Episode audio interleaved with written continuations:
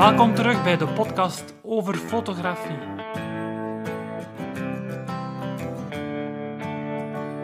De Nederlandstalige podcast, volledig gewijd aan fotografie.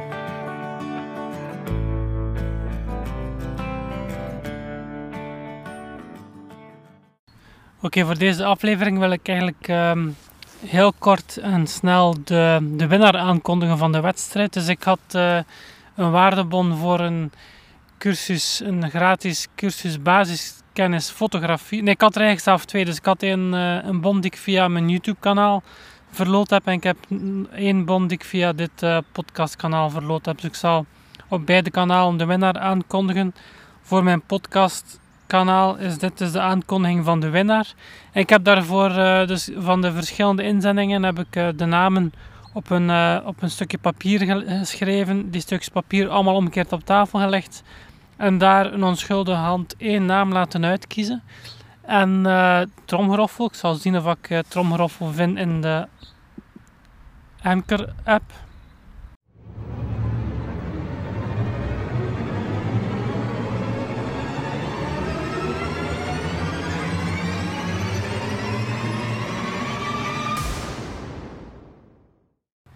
De winnaar is dus geworden Stijn. En Stijn zal wel weten. Uh, ah, trouwens, die naam, als ik, als ik het goed heb. Stijn heeft, al, uh, heeft niet alleen deelgenomen nu aan de wedstrijd. Maar had eerder ook al uh, een paar interessante vragen opgestuurd. Dus zeker een terechte winnaar. En ik zal, het, ik zal u die code bezorgen, Stijn. Ik, ik stuur u een mailtje met daarin de code. Dus veel plezier met die cursus. Voor de rest, uh, ik ga het heel kort houden, want uh, ik zit hier in een park, ben van de zon aan het genieten. Het is opvallend, van zodra dat mooi weer is, het is echt wel heel mooi weer nu, denk Het zal rond, uh, volgens mijn boordcomputer, op de motor is het 18 graden zelf. Ik weet niet wat effectief 18 graden is, maar het voelt toch heel warm en zonnig aan. En het valt enorm op hoeveel motorfietsen er plots op de baan zijn. Ik rij zelf het hele jaar door en in de winter tijdens de spitsuren zie je wel mensen die inderdaad met de motor gaan werken, maar buiten die verplaatsing naar het werk zijn er geen motorrijders. En zelfs tijdens die verplaatsing zijn er in de winter vrij weinig, maar er zijn er wel. Maar van zodra dat zomer wordt, zijn er plots massa's veel motoren op de baan. Ik ga nog uh, binnenkort, ik heb opnieuw een Chinese lens gekocht. Klein beetje een andere insteek. Dit keer het is een, lens van een ander merk. Het is een Meike, ME, dus de M, de E, de I, de K, de E gespeld. Ik vond dat, dat je dan Meike uitspreekt. Een uh, 28 mm 2.8 prime lens, dus opnieuw een manuele lens. Het is uh, een 28 mm, dus een bredere kijkhoek. Maar het is ook minder lichtsterk, 2.8. Het is vooral een, uh, een heel compacte lens, een zogenaamde pancake lens. Van Fujifilm zelf heb je ook een vergelijkbaar lens. Ik geloof dat dat een 27 mm 2.8 is, dus quasi identiek aan deze, maar natuurlijk met autofocus van Fujifilm. Het zij heel luidruchtige autofocus trouwens hoor. Maar kan dus perfect vergelijken met die Fujifilm lens. Ik heb ook een website gevonden waar dat uh, deze ID lens bekijkt. Dat is echt een, heel klein lenselementje van voor uh, 28 mm 2.8 en zo kort.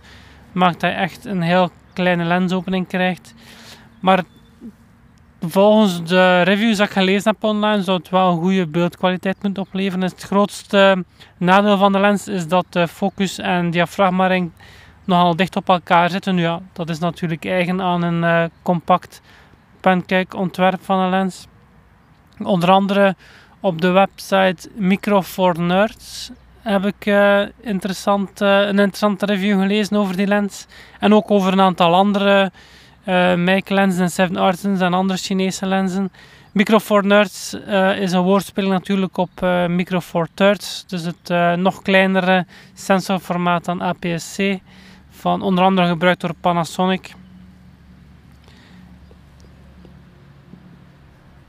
Dus die lens zal natuurlijk wel de Micro Four Thirds versie geweest zijn, maar anders dan dat denk ik dat die lens wel heel veel vergelijkbaar zijn met hetgeen dat ik zal kunnen testen. Dus daar binnenkort ook nog een review van.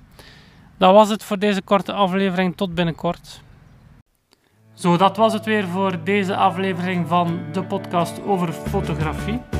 allemaal bedankt om te luisteren. Ja, als er vragen zijn, dan uh, mag je die altijd, of opmerkingen of uh, voorstellen van bepaalde onderwerpen of suggesties, wat dan ook. Je mag die allemaal doorsturen via e-mail naar hans.hcpl.be. Dus Hans is mijn voornaam. HCPL spel je Hotel Charlie Papa Lima. En .be is uh, de domeinnaam voor België. Dus uh, altijd welkom. Ik doe mijn best om alles te lezen en te beantwoorden. En indien mogelijk verwerk ik natuurlijk ook alles graag in de podcast. En dan zal ik je naam zeker, je voornaam zeker vermelden. Dus tenzij dat je natuurlijk vraagt om anoniem te blijven. Dus dat was het voor deze aflevering. Bedankt voor het luisteren en graag tot de volgende.